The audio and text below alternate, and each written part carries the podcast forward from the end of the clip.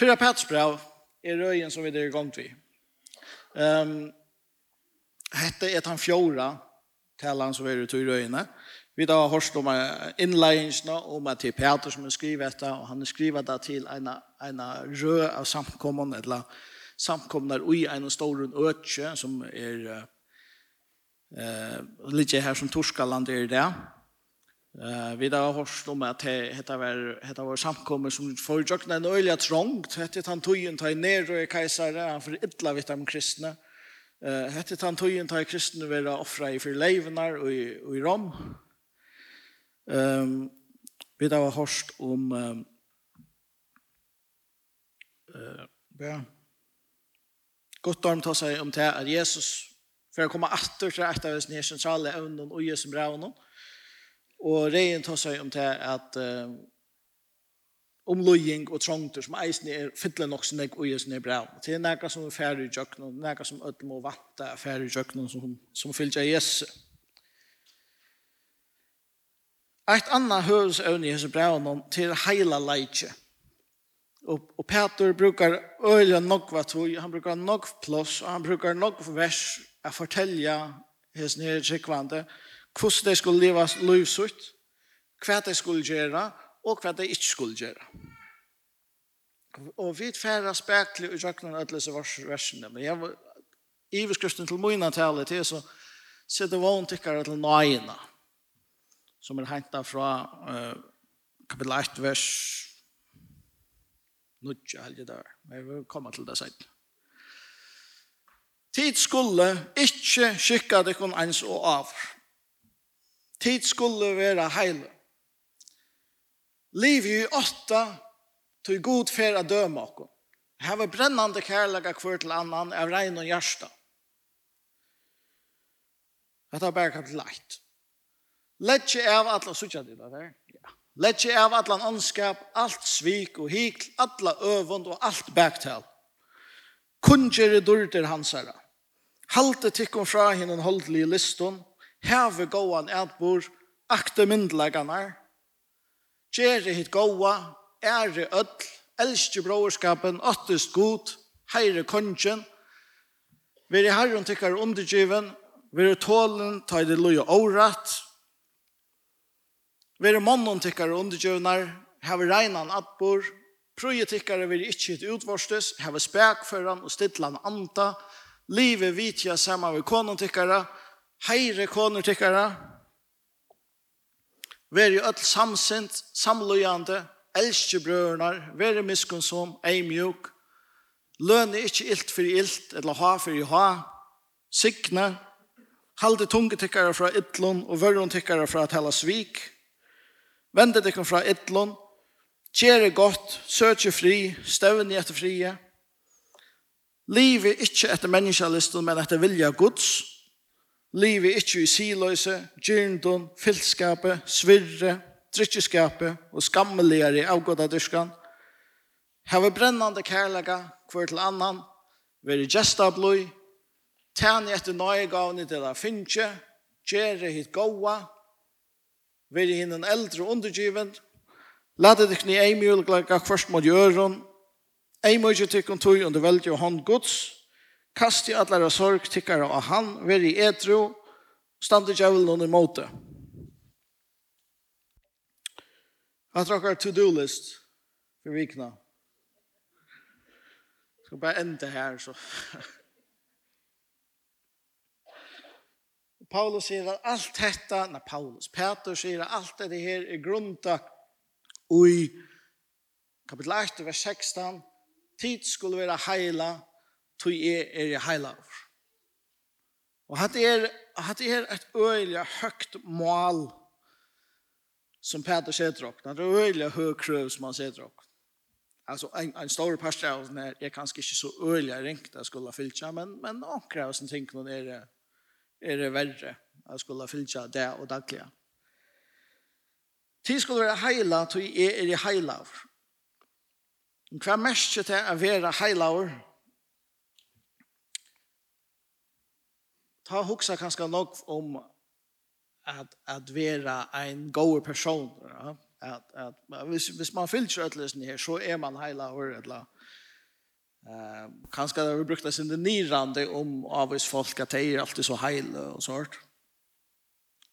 Men det sier alt for nek om hvordan vi oppfører oss, men det er ikke tantutningeren som er i årene og i Nødja testament. Å være heilavur Og i gamle og nødja testamentet mest til at du setter til suyes. Til er en lotor som er heilav. Altså i tempelen noen så har du ambo som er til imiskar oppgaver. Du har noen ting som er til ta daglige virksom i her, og til å vaske imisk ting. Så er det noen ting som er heilav, og det er sett til sujus til til som hever vi godstyrkene når jeg gjør og det skulle bare brukast til det. Nu er det to som har varsting her, vi råkner vi at det er samme her med kjøttykken, altså her er nærkere lappar som bare er til veskomna. Her er det heileier til hatta endamal. La oss si, og mynda det kan morgenmøte med båret, at mævren han er vært ute i kjøpt Men kodan har vi hjemme og tycker av bötten och däckar bår. Och här är smör, och här är skinka, och här är livpostej, och här är kanske stakt ägg, och här är ostar og slæ, brie eller camembert, och kanske onker som rockefors eller gorgonzola eller sån, sån stersker, blaskimmel, ostar eller sånt. Rökte lax kanske så er det eisen Nutella av vår. Og medan de, medan de sitter her i eta, så høyres det rama skruts fra døtrene, tog at nå er blaver oster nirri ui i Nutella-glasen. Såneren som Janne fikk seg først, brukte samme knuven til først å få seg røkna laks, og så til å smyrja blaskimlost om han, han, han tok seg samme kniven og kortet ned i Nutella-glasen. Ja, hatt ei ångaldri hent heima med okkon.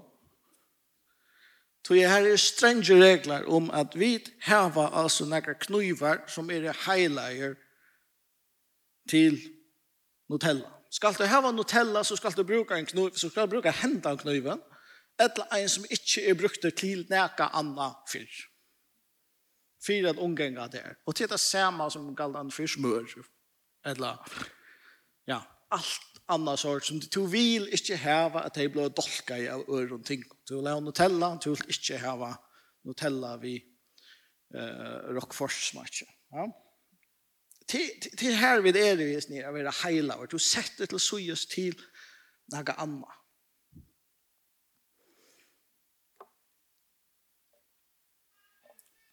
Ta sama sier Paul Peter og Paulus og alle henne som skriver Nudja Testamentet, Så er vi nå sett til suges. Når vi blir frelst, så blir vi heile, så blir vi sett til suges fra til idla til å gjøre til gode. Peter sier til at dette skal suttjast atter og i etbordet tykkere. Nei, etter hinnon heila som kallar i tykkon, skulle eisne tid være heile og i ødlån ätbore tickare. Alltså i allan til som du skulle som tid gjerra, så er det suttjast atter at tid er det analys. Och detta var alla helst nekka som var ein for så vidt en parser passare noen tja tjaa hos ni samkomna tog jag vid at her var det så annerledes, utsettet der seg selv var fri og ble forfyllt der. Det var lukket som tropleisen. Tid gjør ikke det som vi gjør. Tid fyllt ikke det om eh, loven og det momentene som vi gjør. Tid, hava, tid sier til at tid tjener en øren herre enn kajsaren. Peter sier om det er så løst det skal være. Tid er det heil. Og her er ekko til år Jesus her om at vi er Ikke av hesten heimen. Vi er ui hesten heimen, men vi er ikke av hesten heimen. Vi er en ega anna.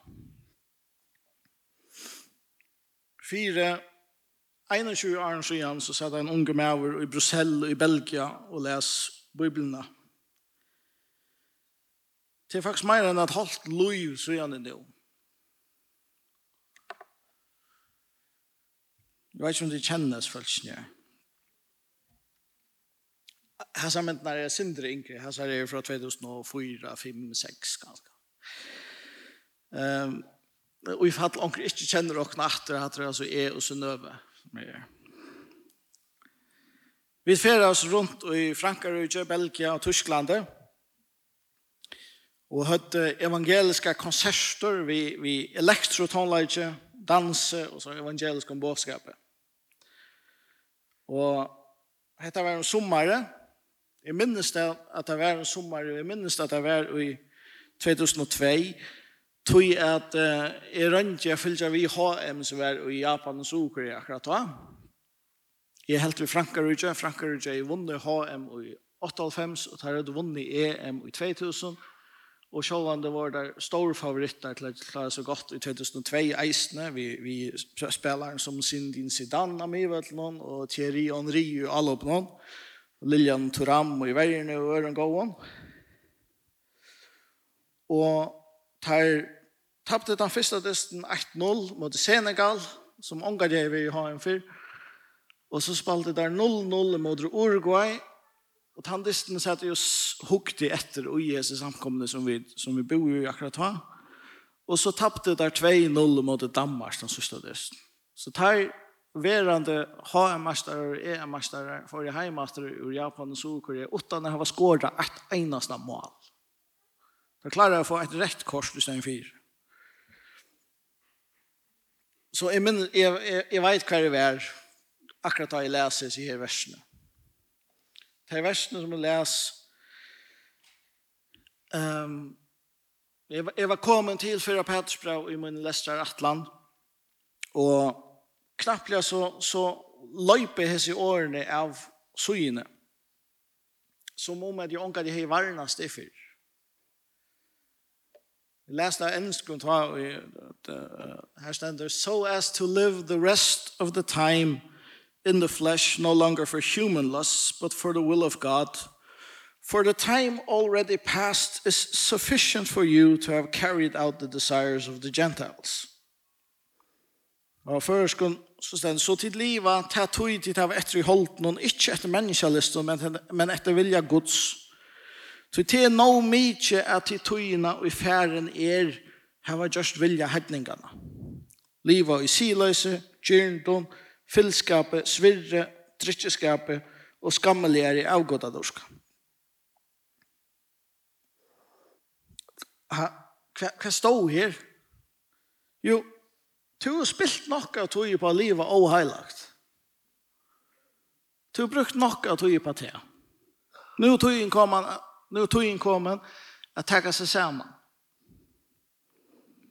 Og tann nyeste var fullkomlig i samsvær vi tar omkvarve som vi vær og i ta, og tar omkvarve som vi hei veri og i senast i årene, eisen i Bibelskolen i USA. Ta brennande innskje og kreve om man skulle leva heilagt. Og Men jeg skal, jeg skal si at jeg, som en tjur er gammel, så hei jeg altså ikke livet kvart jo siløse, eller gjerndod, eller fyllskap, eller svirre, eller drikkeskap, eller skamlige avgodaderskan. Jeg, at det er ikke det som uh, en en tjur er gammel oppvoksende følgen i en trygg og kristne omkvarve, så er vi i en kristne omkvarve, eller togene, eller som vi er utsett for. Men det er en trobladje vi har nye støvne. Det er en trobladje vi hans tullkynsene kommer. Ja, du har spilt nok av tog til å leve og heilagt. Det passer. Men nå er ikke tog til at du skal ta det samme. Det er ikke det som er den kristne bådskapen. Det er ikke det som Nudja testamentet lærer oss. Nu er tiden kommet att vända sig till Jesus. Och det så jag vet eisen i ui tog som Peter skriver. Peter sier ikke, nå skal du manna dig upp. Han sier ikke, nå skal du byrja at bosta tenn, reia sønnsene, kvønn det, og så sørste du godskapet god skal bruka det. Eller, nu skal du opp klokkan fem, lesa en tøyme i biblene, Så bia en halvan tøyma, så skal du venja en halvan tøyma, så skal du heim etter bøtten, kar til i skola, mås minstla mås konar først og alt det der. Peter og Paulus, da han skriver, og for så vidt Jesus eisen, da han tåsar, han sier at dette heila av livet som tid skulle liva, det en sånn heila i som tid skulle hava, Han spretter ut ur tog at tid lange er bliven gjørd heilo. Han spretter bort ur tog at at tid hava at han spretter bort ur tog at god er heilaver og han skal gjøre hetta eisen. Så tar vi lese i tjøkken brevet, så sier vi flere ferier tar Peter og kommer vi anmenningen om hva vi eier å gjøre, så viser han eisen i av hva det Kristus lange hever gjørst.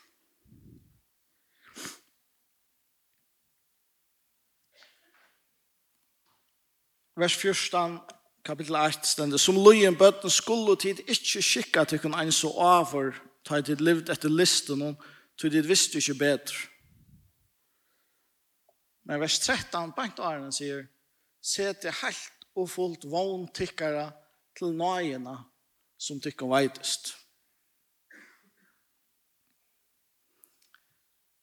Kapitel 2. Ledje tog av allan åndskap, allt svik og hikl, alla øvund og allt bergtal, og så bært at han komme til han. Og lette deg bygge opp til et heilagt tempel. Og så legger jeg mest til, lette tikkun bygge opp. Ikke at de skulle gjøre det fra noen annar som gjør det, som bygger det ikke opp. Halte det kom fra henne holdelig og liston som er i bardet av i salene. Stender i vers 11 i kapittel 2. Men kvært sprettet her ur jo vers 9 og 20 sier tid er og utvalgt at kongelige presteskaper heile tjå, oknar folk, Fyrir at jeg skulle kunngjøre dårder hansara som kallar dekken ur myskronen inn i underfodla ljøsut. Tid som ikkje var og folk og avur, men nu er folk gods. Tid som ikkje høtte funnet miskon, men nu har finnje miskon. Vers 24 i kapitel 2 sier at fyra vid deg fra synden hon skulle liva fyrir rattvisna, Men det stender mitt inn i at tu Kristus sjolvor bær synder okkara av lika med synden oppa treie, fire at vit, deg fra synden skulle liva for rattvisna, og vi kvarsar rundt ur dyrgrød. Og det verset som jeg les her i Belgia, så til livet at tog til det her etter i holden, og ikke etter menneskelisten, men etter vilja Guds, Til no mykje at vi tog tøyna i færen er hava just vilja hedningarna.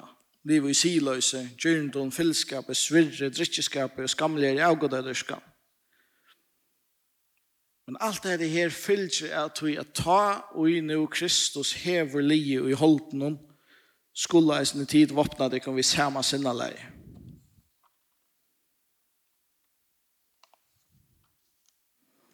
Sørste det kristna løyve, det handlar inte om att du ska ta det samma.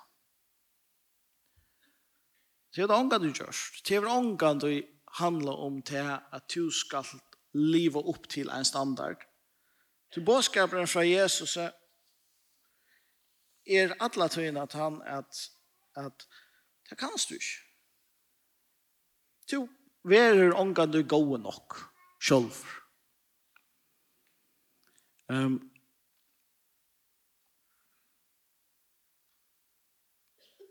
Vi tar finnes vi tar var først gamla testamentet, vi øtlen så innom loven og forskriften. Meidla minne gjørtar, skrattar seg med hver, for jeg viser oss til at vi er ikke god nok, at onker annar må dodja for oss. Og så trykker vi til at vi blir frelst av nøye, vi trykker, og det er vi alt samt om, Og så er det vid øyla sjå til å fære ivetlig, og så at han til, så skulle vi oppføre oss ordentlig, og fortsette å gjøre vi at livet opp til disse krøvene. Som i verleggen Jesus setter en hakre standard enn gamle testamentet til. Men atter, det er ikke til at du skal tenke det samme. Du, du skal fortsette, og som, som, som jeg kan si seneste søndag, ta nøyen som frelste det, er ta nøyen som du skal fortsette at liva i framöver. Du skal halda av og i tog nøyen. Lyfte fra gode er ikke til at han skal gjøre åkne en nødja lov, eller at han skal gjøre åkne styrke til at halda lovene. Lyfte fra gode er at han skal gjøre åkne en nødt hjerte. Han skal gjøre åkne til en nødt menneske. Han skal gjøre alt nødt. En norm som, som var uh, parsa av studentarbeidene som en ny generasjon ta i norra, ta i vær her. Han, han pleier å si at, at kommunismen, kommunismen lover ny frakk til hver mann. Jesus sier ny mann i hver frakk. Kommunismen løyver til gjør det lyft om at du skal få en nødt, alle skulle få en nødt frakka. Hver med oss skal ha nødja frakka, og Jesus sier nei. Det skal være nytt menneske og i hver en frakka. Han får gjøre alt nytt. I samflagsfrøye, i salagfrøye, så tåser man om at hodtak som er internalisering til at du teker til tøyen i med som er omkvarven og gjør det til ditt egna. Virer, hogbor, uh, lower, Det er just en parstre av det her. Og det lyser nøklund av det som det er som skal hende her ved kristendom. Et, et latt døm jeg bruker er ganske til loven om, som sier til at du skal ikke drepa. Og jeg vant det, jeg vågner at jeg er far her i det som har vært torrførst ved å fylle hans lovene. Til nei var nekar okken som vaknar om morgenen og hugsa til, hva skal jeg male i det at vi ikke drepa nekar. Og gong man rundt alle andre her, hugsa, jeg må halda meg kinnon, jeg skal ikke drepa nekar. Eller ta er handels til FK, så kan jeg ikke rundt, og etla ta er ferdig inn, så hugsa jeg ikke, når man ansetter, jeg skal ikke stjela nekar i det. Så må jeg halda meg kinnon, alle tøyna men, kan jeg ikke stjela nekar. Ta motsatta døme er kanskje fersleloven, eller loven om Hamarsfyr. Dette sa man til RFF i en kampanje fyrir i år, for ferselsikt. Er det ok å køre og kjøtt? Hva er det to? Og så svarer ødel nei, det er ikke ok å køre og kjøtt. Og så svarer Maren Helten, men hva er å kjøtt? Hva Og så viser det seg til øyla noen føringer som sier at det er finnes det slik høyre, hakker en hamarsfirma, det er ok, det er snart ikke overkjøtt, det er som alt annet på vekkere, og hvordan breie veveren er, og hvordan trygge bilen er, og hvordan ferslan er, og alt det der. Ja? Loven om hamarsfirma er ikke internaliseret og på samme hatt som loven om å drepa, eller loven om å stjæle. Så vi har et marsk, eisen tar vi køyre bil om, ok, nå køyre faktisk det er sint for kjøtt. Om det er til hver holdt trus, eller furs, eller ein og furs. Nå er jeg så heppen at i bilen som er, så fyllt jeg det, så fyllt jeg sånn eka lute vi som gjør til at som minner meg av, så er sånne avværinger lurer som minner meg av at jeg kører for kjøtt. Andre pleier å være høyre høyremennene, og onker pleier å være at han fyrer. Så hadde jeg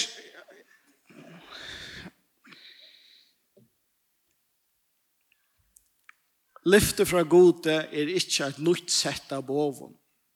Lyfte fra gode er ikke til at vi skal få en nødja lov. Lyfte fra gode er ikke til at vi skal få bøyplina, så det er vi har en nødja lista av lovarbrotten som vi kommer fyre halvt opp til.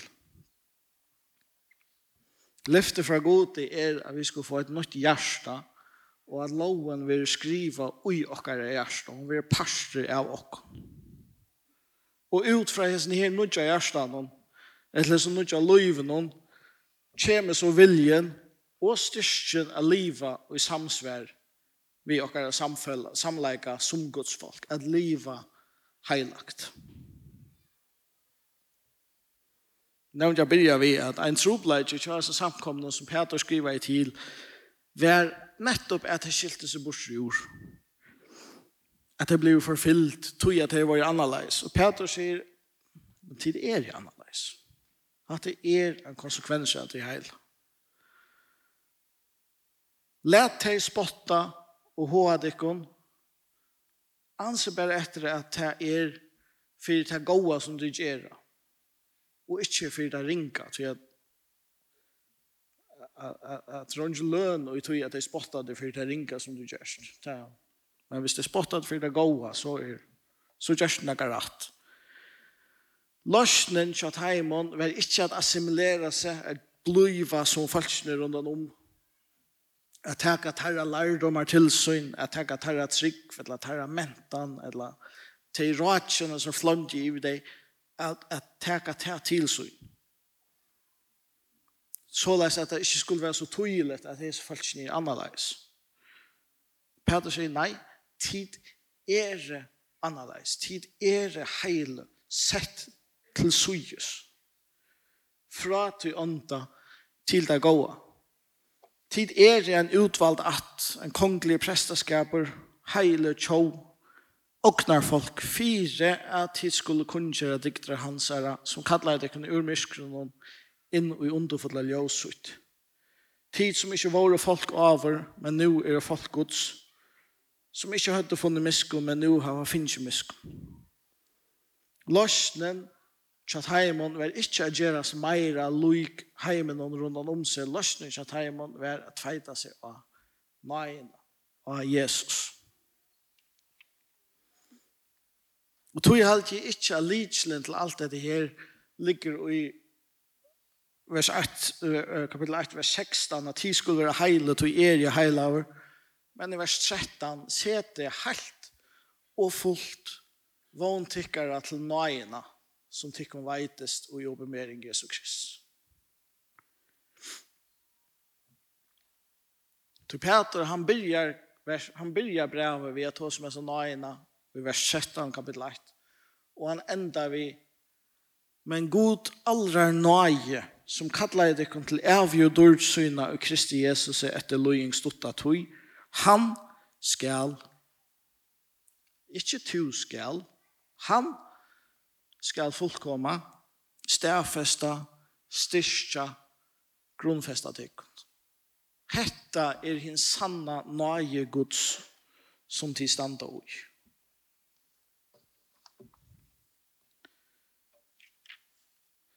Hetta er Petor som skriver i sin tingene. Og Petor suttja vi fra evangelien at han han hever prøva at vilje egnar er færre fram i egnar styrst og han hever prøva eh, her at at skilja seg ur mongtene av er at han som er annerledes han har prøvd til å være en i opp i herlige støver her i öll så til öll visste til som så han to er en av hessene her som fyllte vi Jesus. Til 20 år, år han skriver dette her, så stender han i Jerusalem. Han stender ved tempelet, og han hittar seg ved Baal. De senaste tog mannen så er alt livet til honom vent og høtte. Enda vent. Kvöldet byrja i vel, da byrja vi en gåar måltøy sammen med Jesus og i lærersveien noen så får det en spasertur i Årstagern, og så ble det kaos. Så jeg tar kommer soldater etter Jesus, jeg tar tog i Jesus. Peter og i øyene skjer høtt, skjer, nei, ikke høtt, skjer øyre av en, en uh, tempeltjener. Jesus ble teacher fra dem. Han ble avhørt, han ble punter. Nu ständer Peter seg her, han røyner att fylja vi. Han, han fylja vi Jesus upp på avstand. Nu ständer han och seg og bale. og nu ber folk att spyrja. Er du ikke er du ikke han? Er du ikke sån her? Kanskje det er ju hårst sön langt långt nu om at han högt ju öjre av Malkus. Ja. Trutja färgerna så nokta han og banna i vi nei. Peter visste hvordan det var at associeras vid det opopulære, at, at standa ut ur fjöldene fyrir til at du hurst analyse. Han kjente eisen til hit og skulle røyne i egna styrke, tog at når du er framan undan, så hei Peter kjente av vattnet nå.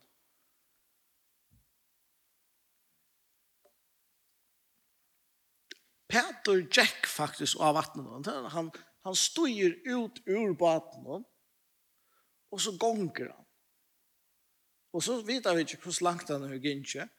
Det kan være at han tjekk 1 meter, det kan være at han tjekk 20 meter, det stender ikke. Det stender bare til at så får han at det ikke er rundt om seg. Han tjekk av vattnet inntil han ikke tjekk langt. Og, og, og jeg vet ikke om tid av hugg om kvosseliga som akkurat henda løtan er tar igjen, så søkker til at jeg vet at ta i er støy ut av vatten, så søkker jeg ikke spekler igjen. Det er en steiner som er en blubb. Ja?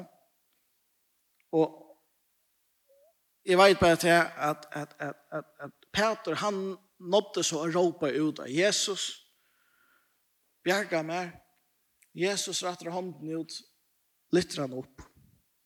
Og hva hendte så? så ganga bæger atter i baten. Så han er jo ikke borte fra baten. Jo, baten, ok, baten kan da rike hendene inn eller hendene inn. Og han sier, tar færa så bæger atter i baten. Løsnen til Petre, så han opplevde akkurat det samme som vi alle andre opplever, tar vi røyna sjolvet her, rikker faktisk ikke. Løsningen er å råpe Jesus.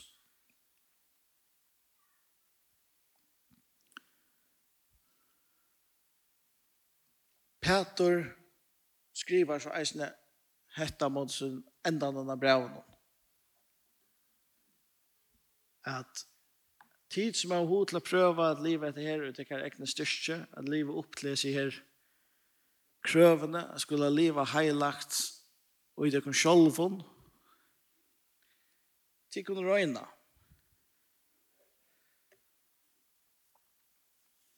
God stender henne stolt i måte, men en eimjuke kjøver han nei.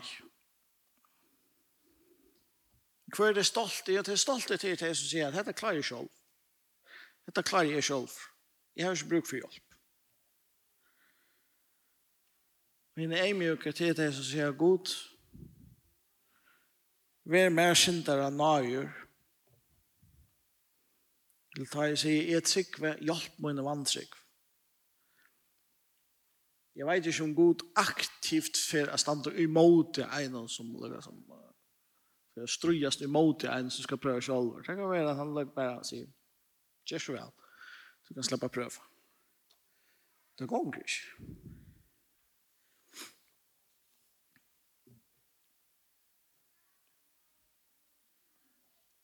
Du, hvordan er det? Det er til henne nøyen som er han som gjør at han rikker. Av nøye er vi frelst, vi trygg.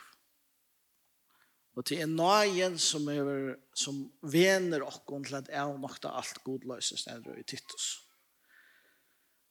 Og i 4 Korint 15 så sier Paulus at det er nøye gods som uimer er som gjør at jeg har vi arbeidt meira enn alle hindre der lærersvenner, alle hindre apostlar. Og i 17. Korint så skrev Paulus at, at, at jeg har vi enda tårnen i holden, og jeg har bygget god, man tar han bort fra meg, god blir via sida, nøye min, jeg tar nå mye. sammen med nøye, så er det et annet år som er knyttet til et trygg. Så alt dere kristne liv tar begynner vi at vi tryggva. Vi teker mot nøye når vi at tryggva. Og meningen er så til, som Paulus skriver i Rombraunen, at vi skulle liva av tryggva. I rettvis skal liva av tryggva. At alt som vi gjør av vi er i okkar liv, det kommer av nøye, og alt vil aktivera i tryggva. Vi tryggva. Nøyen er okkara kristna superpower. Vi får henne tar vi komma til god og sier, jeg klarer dette ikke selv. Jeg har bruk for tøyne hjelp.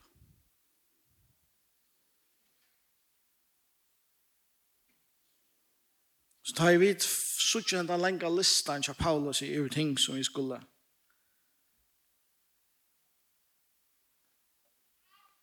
lenga listan til Paulus i ting som vi skulle klara. Nei, til Petra, mener. Så begynner vi å lese.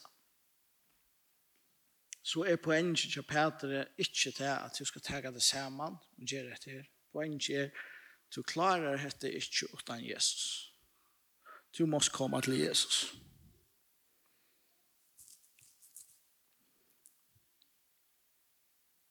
Vi tar var forbrenner til hans her, akkurat som vi tar var kvenn sondag. Vi får be deg om at hugsa om tru ting til hver liv. Færa fram og få av forbønn hvis det er bruk for tru. Nummer 8, kanskje så er du her at hun er skilt at nå er nok tog i færen her i ikke har livet for Jesus. Nu vil jeg leva for han. Kom så fram så, så skal ska ikke be sammen med dig. Kanske sitter du og du husker som hese her som er til, til finnkjetta brevet, til så streve at skiljas borsi ur alla tøyna. At alle alla vil være annerledes, at alle tøyna vil peike etter at alla tøyna hava hette her stigma i som jo eisen er et andal et år, altså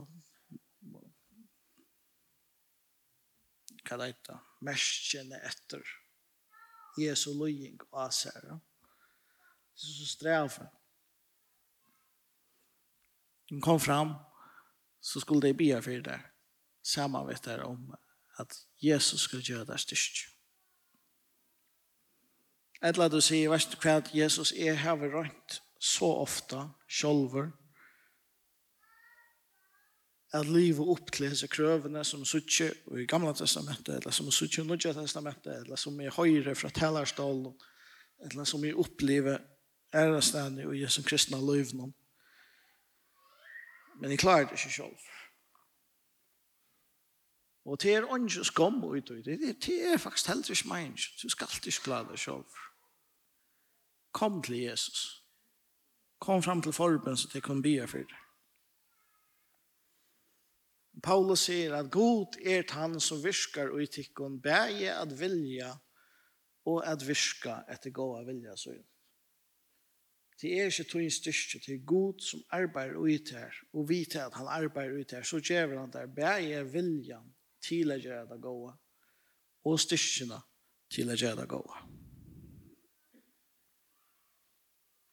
Etla Peter enda sitt brev i God allra nøye skal fullkomma, stafesta, styrkja, grunnfesta tykkund.